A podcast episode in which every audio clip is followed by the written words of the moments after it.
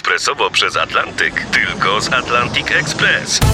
Z nami wyślesz co chcesz, kiedy chcesz, do kogo chcesz i to o 40% taniej. W Atlantic Express wysyłamy wszystko, co chcesz. 1 800 775 7363. Mienie przesiedleńcze, kontenery, paczki do Europy. Atlantic Express to 30 lat doświadczenia i o 40% niższe ceny na wysyłki kontenerów, samochodów i paczek. Ekspresowo przez Atlantyk tylko z Atlantic Express.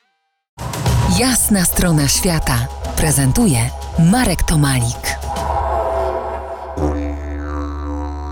Witam w kolejnym odcinku moich wspomnień z Wielkanocy na Tasmanii. Tak, to było dokładnie 30 lat temu, ale tamto piękno tak mocno utrwaliło się w mojej głowie, że niemal w detalach mogę je właśnie tutaj przed Wami odtwarzać. Teraz chciałbym Was zabrać na spacer do lasu, chyba najpiękniejszego lasu, jaki kiedykolwiek widziałem. Moja wędrówka trwała nieprzerwanie przez 5 dni. Przeszedłem wtedy 80 kilometrów, ale nie w liczbach jest tutaj nasycenie, a w treści. Auto zostawiło mnie w Dolinie Kołyski, Cradle Valley, osadzie turystycznej Parku Narodowego Cradle Mountain Lake St. Clair zaliczanego do światowego dziedzictwa przyrody. Noc była zimna, nad ranem strzepywałem z tropiku namiotu warstewkę lodu. Zimocha. Nic to.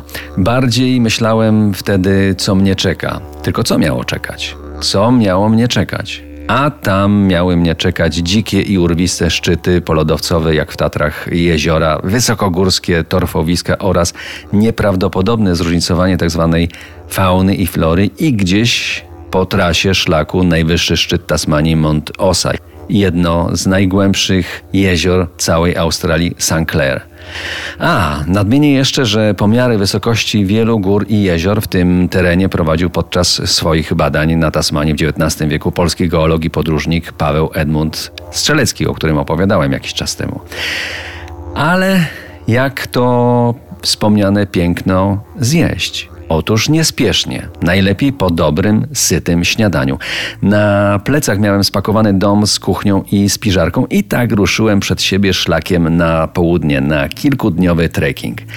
Najpierw w osłoniętym terenie po rozległych równinach. Stąpałem po bagniskach i torfowiskach, gdzie grunt uginał się jak miękki materac.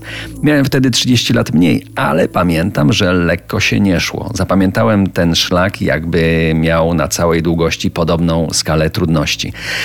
Albo szło się stromo pod górę, ale po twardym, albo po w miarę wyrównanym terenie, ale w grząskiej, bagnistej ziemi.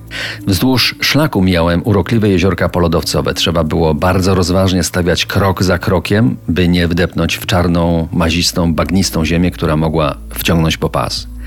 Co kilka godzin marszu mijałem drewniane chatki. Każda z nich miała swoją nazwę, ale nie miała strażnika ani właściciela. Gospodarzem był każdy przybysz, którego obowiązywała prosta zasada. Zostaw to miejsce takim, jakim je zastałeś. Jak wyglądał nocleg w takiej chatce, a działo się, opowiem za kilkanaście minut.